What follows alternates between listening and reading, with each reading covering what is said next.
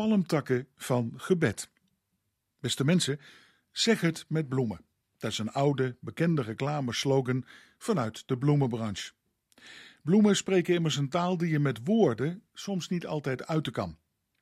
Zo stond ik onlangs aan het graf om vanuit de kerk samen met de familie en vele bekenden afscheid te nemen van hun moeder en geloofsgenoot. Een vrouw die altijd dienstbaar geweest was in haar grote gezin, kerk en daarbuiten vanuit haar ontzag voor God. Ach, haar leven was niet altijd via rechte lijnen gegaan. Maar na al die jaren wilde ze toch graag nu aan ons, vanuit de oude Psalm 91, graag meegeven dat je vooral toch altijd mocht schuilen bij God. Ontzag voor God was meer ook een soort schuilen geworden. Ze had zich ook in de kwetsbaarheid, haar verdriet, haar onbeantwoorde vragen en bij de overgang naar het huis van haar hemelse vader altijd geborgen geweten in Gods armen als veilige, beschermende vleugels. In de kerkdienst mochten we daarvan iets proberen te verwoorden met elkaar. Maar de familie had ook een prachtig bloemstuk laten maken.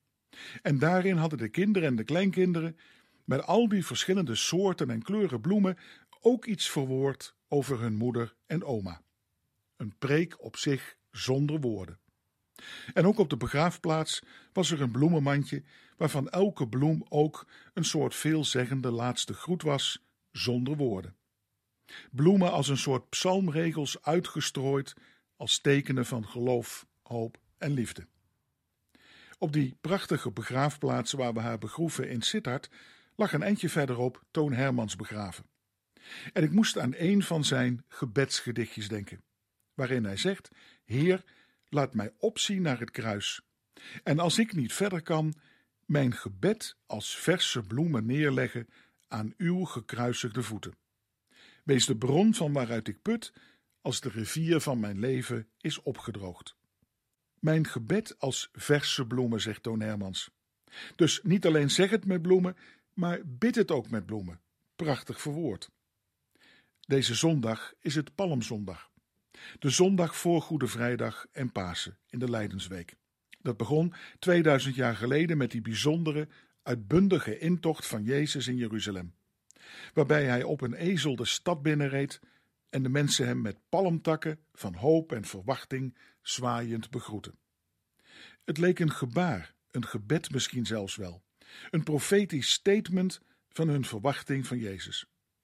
Zou hij dan de vrede in het land en de wereld brengen, waar zij en wij, ook anno 2022, zo naar verlangen?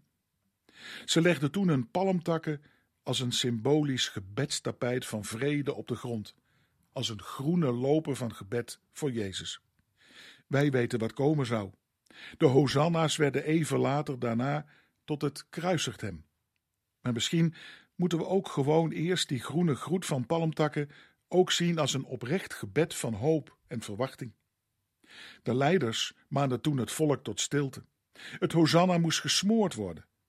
Maar Jezus zei: als zij niet getuigen, dan zouden zelfs de straatstenen dat nog doen. De stem van het evangelie lijkt ook in onze dagen steeds stiller geworden te zijn. Gesmoord misschien wel, misschien ook wel in je eigen leven. En Jezus had er verdriet van. We lezen zelfs dat hij huilde. Om een stad, een wereld, een enkele mens, waarin zijn weg van liefde, van verzoening en vrede niet verstaan wordt. De komende week bereiden we ons weer voor op Goede Vrijdag en Pasen. En doen dat in de kerken vaak met woorden, liederen, brood en wijn.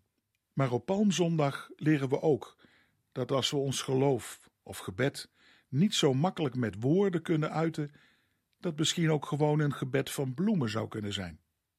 In de kerken zien we dat er ook steeds vaker gebruik wordt gemaakt van liturgische bloemstukken. Maar je kunt in deze goede week misschien ook zelf iets symbolisch van bloemen maken, voor een ander, of bloemen leggen op een graf, of gewoon om voor jezelf in je kamer te zetten, als een boeket van gebed, van dank, troost en bemoediging, als een symbolisch gebed voor de vrede in de wereld.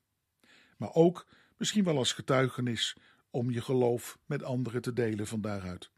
Zoals Toon Hermans het al zei, als een gebed van verse bloemen voor de vrede van de wereld en ons hart, aan de voeten van de gekruisigde en opgestane Heer, waarbij we altijd weer mogen schuilen.